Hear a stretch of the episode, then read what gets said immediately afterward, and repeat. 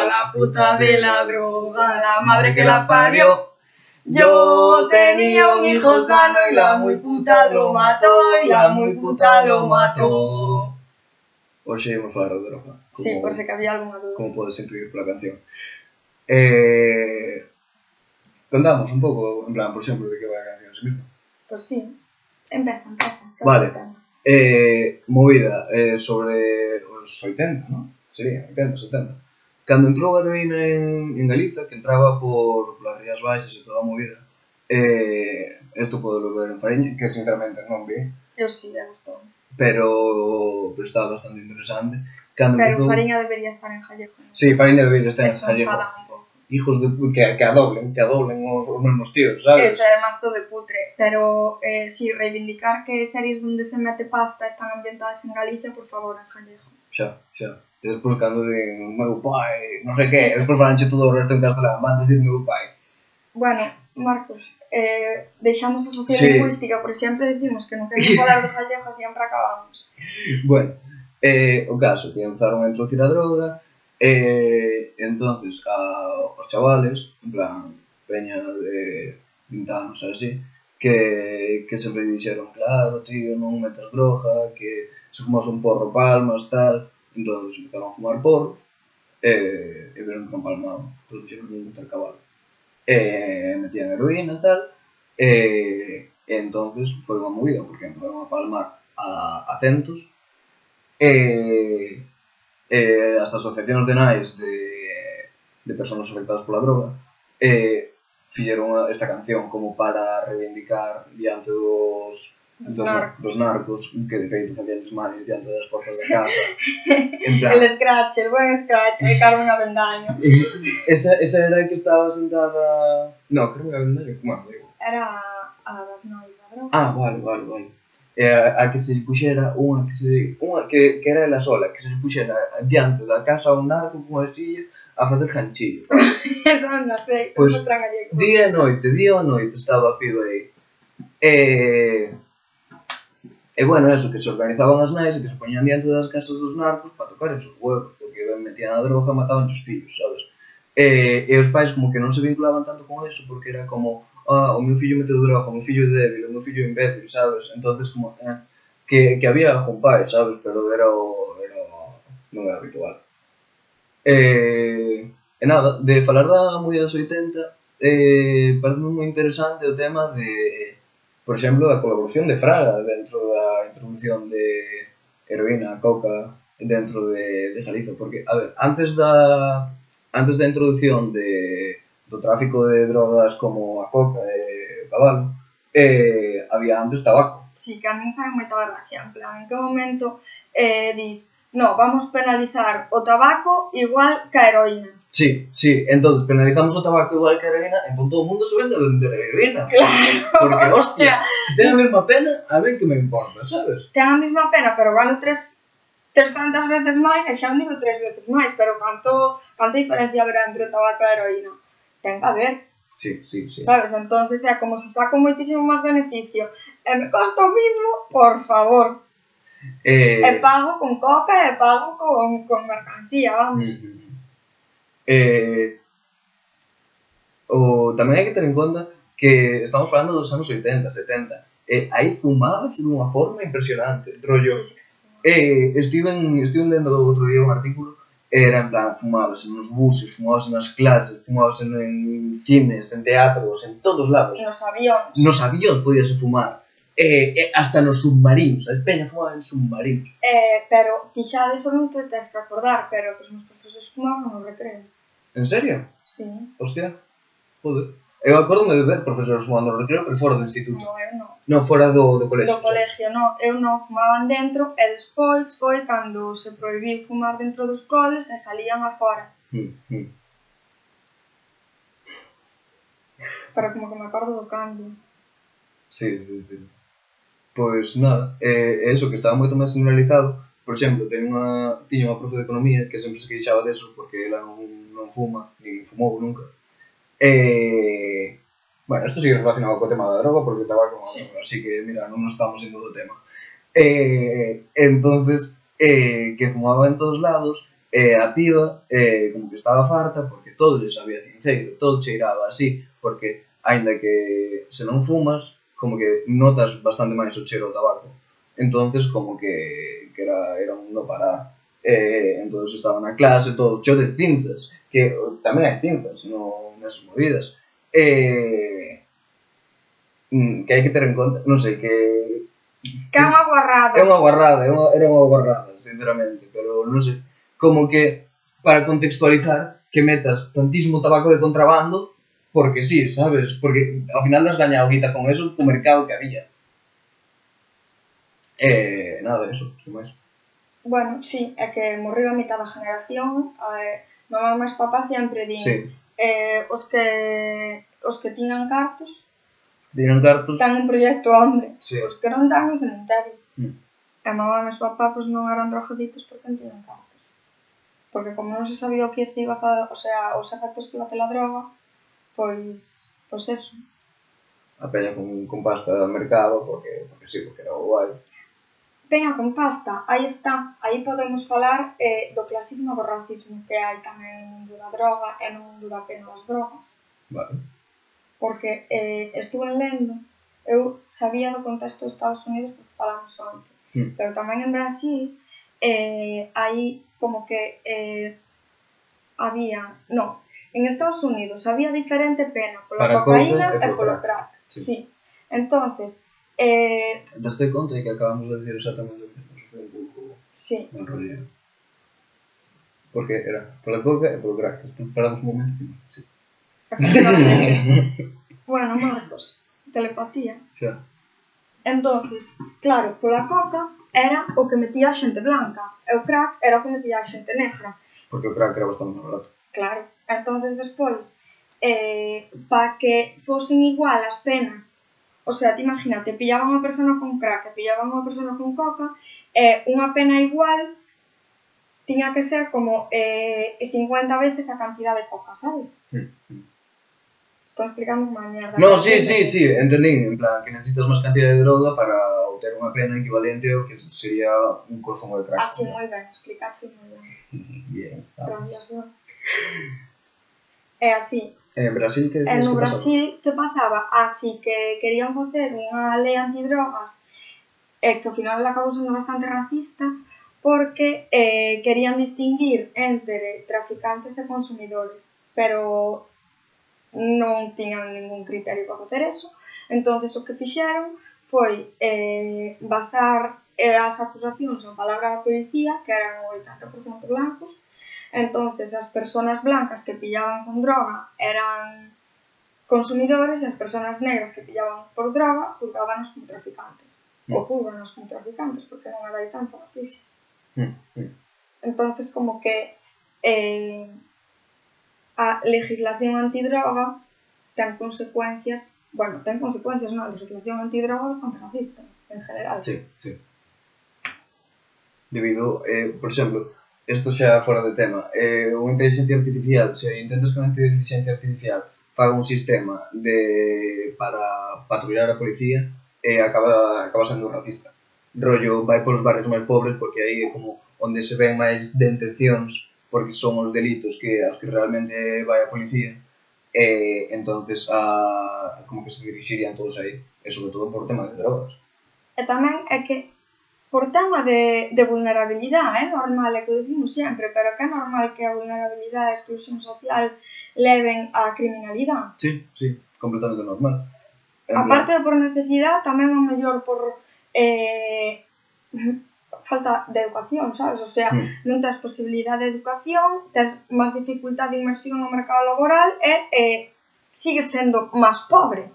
A mí algo que me interesaría falar agora sería rollo o que o que dixemos antes de a xente rica podía permitirse mercar a droga pero por exemplo, papá e mamá non pero pero en cambio o a poboación de, de persoas realmente adictas á droga en plan eh, estamos falando aquí de, de outras movidas sabes non ten un puto duro esa peña rouba pa, pa tal rollo realmente poden permitirse a droga sabes en plan que, que influencia máis o feito de consumir drogas? Se recursos pobre, sabes? Pois non creo que tampouco haxa moita influencia. A nivel económico? Claro, o sea, refiérome. Eh, unha vez que xa és drogodependiente, pois xa és drogodependiente, sabes? E ao mellor pois estás en situación calle, xa perdeches todo e roubas en o que necesites para conseguir a droga, pero non sabes en que condicións económicas ou en que condicións sociales empezou esa persona. Xa, xa. Porque non sabes o que chegou a perder. Mm. Ao mellor era unha persona que tiña unha boa situación familiar, unha boa situación económica, era hijo de, hermano de, primo de, eh, ti como familiar tampouco podes seguir apoyando que esa persona leve ese estilo de vida, porque a nivel emocional eh, tamén te afecta, a nivel económico tamén, porque ti non podes ter na casa unha persona que che rouba, mm. ou que a mellor se pon agresiva se non ten, se non ten que consumir, sabes? Entonces, ao final, eh, como que é entendible que se non tes como eh, pois para que entre nun centro de rehabilitación, que tampouco podes obligar sin incapacitado. Entonces, pois o que tens que facer é botar da casa. Eh, eh, había un documental sobre as nais de Europa, non me acordo como se chama agora mesmo, pero co, contaba unha historia así, había unha, unha nai que tiña dous fillos, eh, un estaba ainda na droga, bueno, en plan, estaba dous na droga, pero dicíanlle, no, no, non me meto, tal, sacabanlle o brazo, e esos pinchados, que decía, no, no, no, aquí es que non hace, tal, non sei que, era, da moitísima pena, e de, despois un palmouna, e, eh, e outro tipo non chupar da casa, porque en plan, eh, non podían seguir vivindo con el porque, porque estaba destrozando a familia, e entonces un día deixaron fora, non, non pude entrar na porta, petaba, petaba, petaba, eh, pero non entrou. Eh, ten que ser moi duro pasar por esa situación.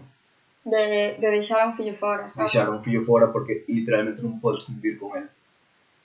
Entón, Todo por qué? Por culpa de intereses económicos. Sí. E botamos a culpa ao capitalismo. E a policía tamén. Ah, non, sí, a policía está íntimamente relacionada co tráfico de drogas. Ah, ah, o de Mérida.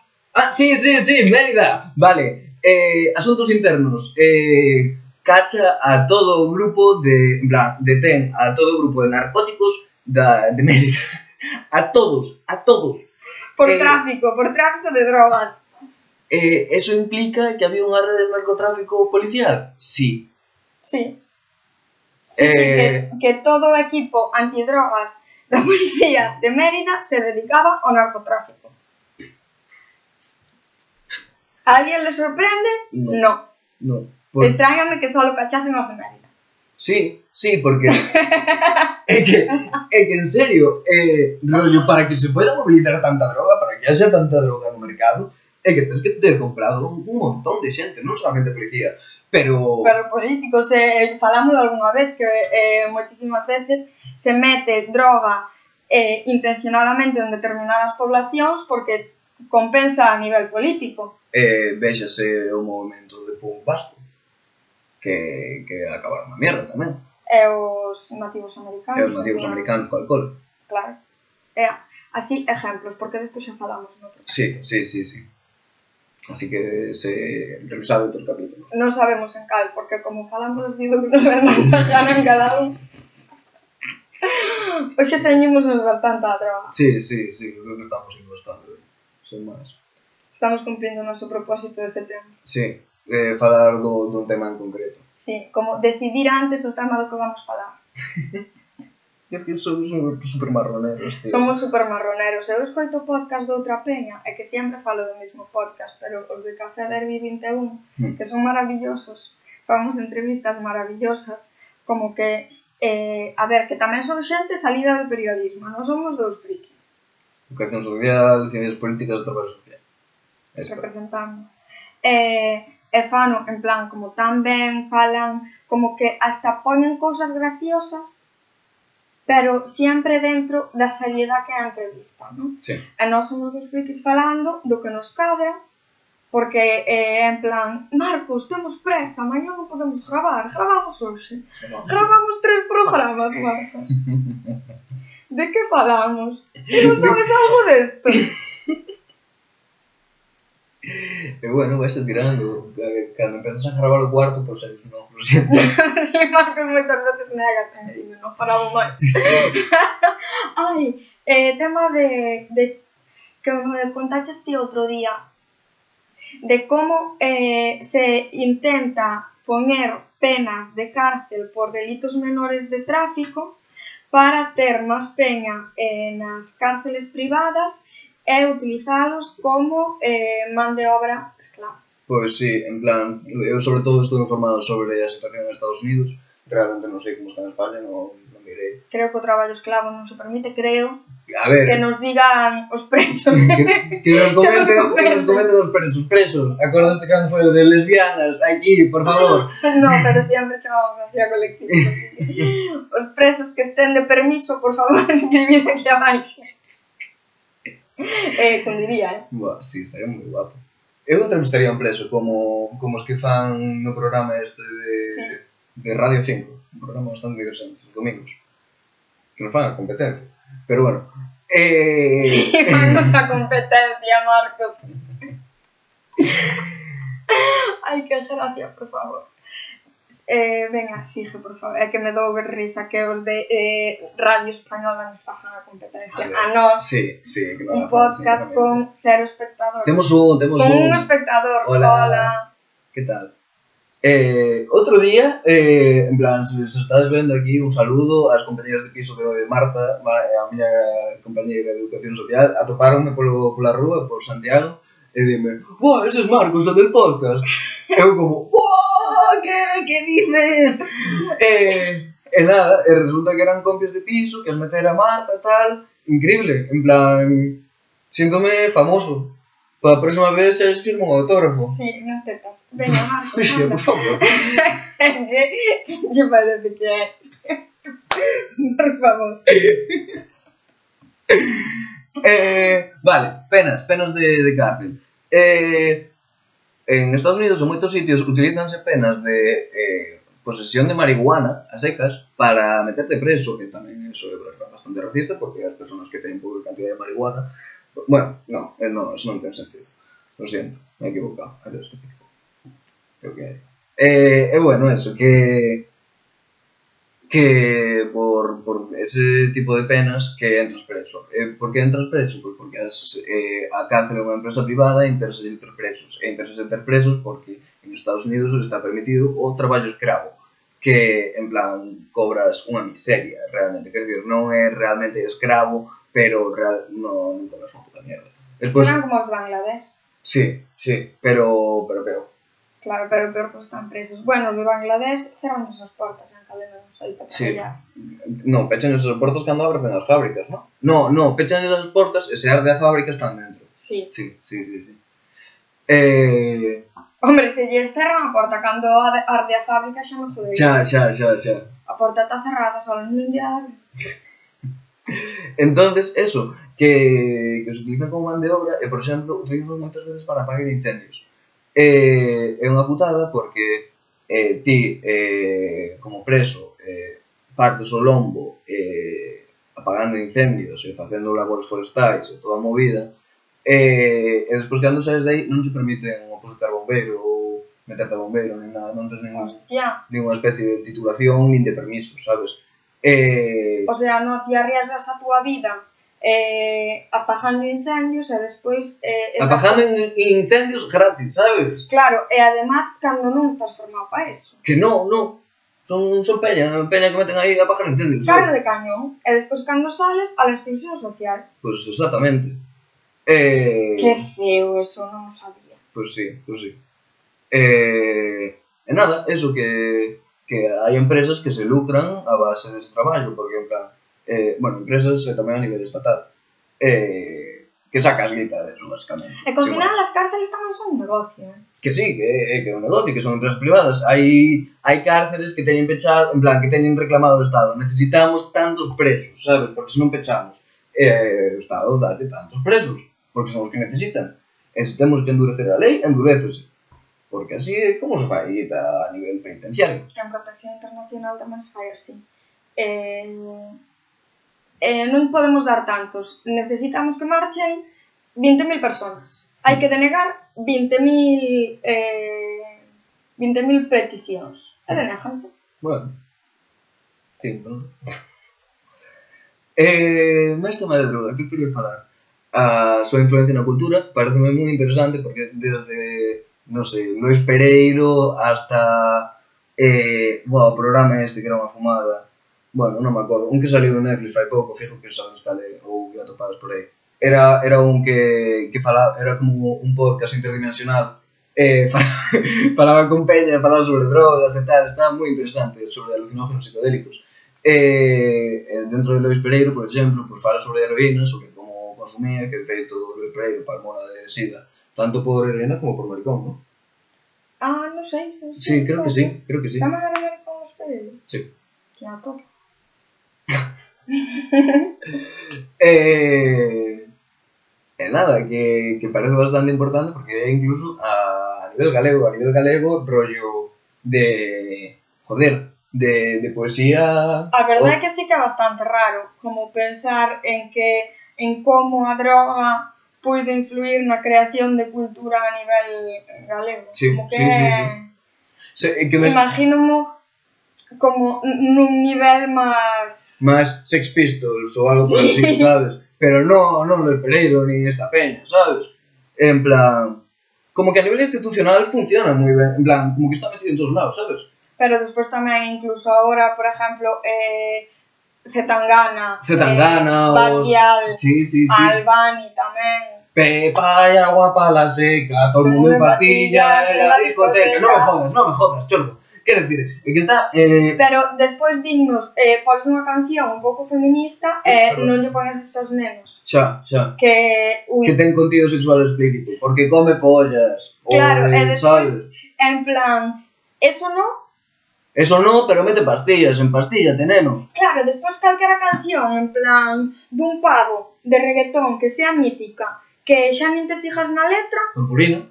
Por exemplo, esa podela poner sin fallo ningún pero unha que non sea tan conocida, que mellor sea cantada por mulleres e que tenga un contenido sexual má, igual de explícito ou menos explícito que as que están cantadas por homens, esa, esa non, esa quita mellor. Mm, mm. Bueno, en fin. Isto en relación á experiencia monitor de tempo libre. Sí. Bueno, sen máis. Eh, eh, nada, influencia na cultura. Eh, ademais, eh, se falamos de droga, tamén temos que incluir o alcohol. Eh, qué puta canción nos a de beber, vamos a beber, vamos a vacilar, vamos a non sei que, mi puta madre, sabes? Eh, tamén, eh, xa non solo en cancións, senón no audiovisual. Eu estou vendo unha serie que eh, The Bold Type, que é unha serie como bastante soft, son unhas chicas que traballan nunha revista de moda femenina. Mm. Bueno, pois pues, tanto unha día bebendo champán, todo o puto día bebendo champán, tío, que en plan, que non tratan o tema como se fosen alcohólicas nin nada así, como que é algo totalmente superfluo, pero sempre bebendo champán e vino, todo o capítulo. Mm, mm. A súa copita de vino, a súa copita de champán, despois van por aí os seus cubatas e dixo, pero está todo puñatar o día bebendo. Mm, mm. E, e despois aquí quedache, quedache pensar, realmente eh, están facendo unha promoción da, das drogas e eh, do consumo ou simplemente están representando unha realidade que é así, porque É que, é que sí, todo o mundo se droga, sinceramente. En plan, hai coca por todos lados, hai alcohol, hai o que haxe, non sei. De first date. que decía, eh, eres adulto cuando descubres dos cosas, que el queso es lo mejor del mundo y que todo el mundo se droga. sí, sí, sí, sí. sí. Eh, é verdade, eu en plan, en Portugal, as nenas do meu piso non se trabajaba ninguna, eu quedei quedei tonta, eu estou tan acostumbrada que nos meus círculos a peña se meta hmm. que, que me pareciu raro que non me tose. Consecuencias das drogas, consecuencias das drogas, a nivel físico psicolóxico. O familia que eso, mira, eu mm, pareceme que se te drogas non sabes que estar mal da cabeza. Que eu xa sei que hai xente que se droga precisamente porque, porque está, mal da cabeza, cabeza para evadirse, eu xa sei eso tamén pero como que no meu interior dijo é que se sabes o que está mal da cabeza non te metes neso para poder estar peor mm, mm. sabes? eu digo, é que Dios me libre é que podes quedar completamente demente Eh, sobre se todo, xa si estou demente Sobre todo nós, por exemplo, con, con antidepresivos eh, Mesturas eh, MDMA que pode echar unha sobredose de serotonina, creo que era eh, Ou con cocaína pode echar un infarto directamente Ai, si? Sí. sí. Ya. Entonces... Eu é que só polo medo que lle teño a decir eh, vou quedar peor da cabeza xa... Eh, hmm, xa, xa, xa. Olvídense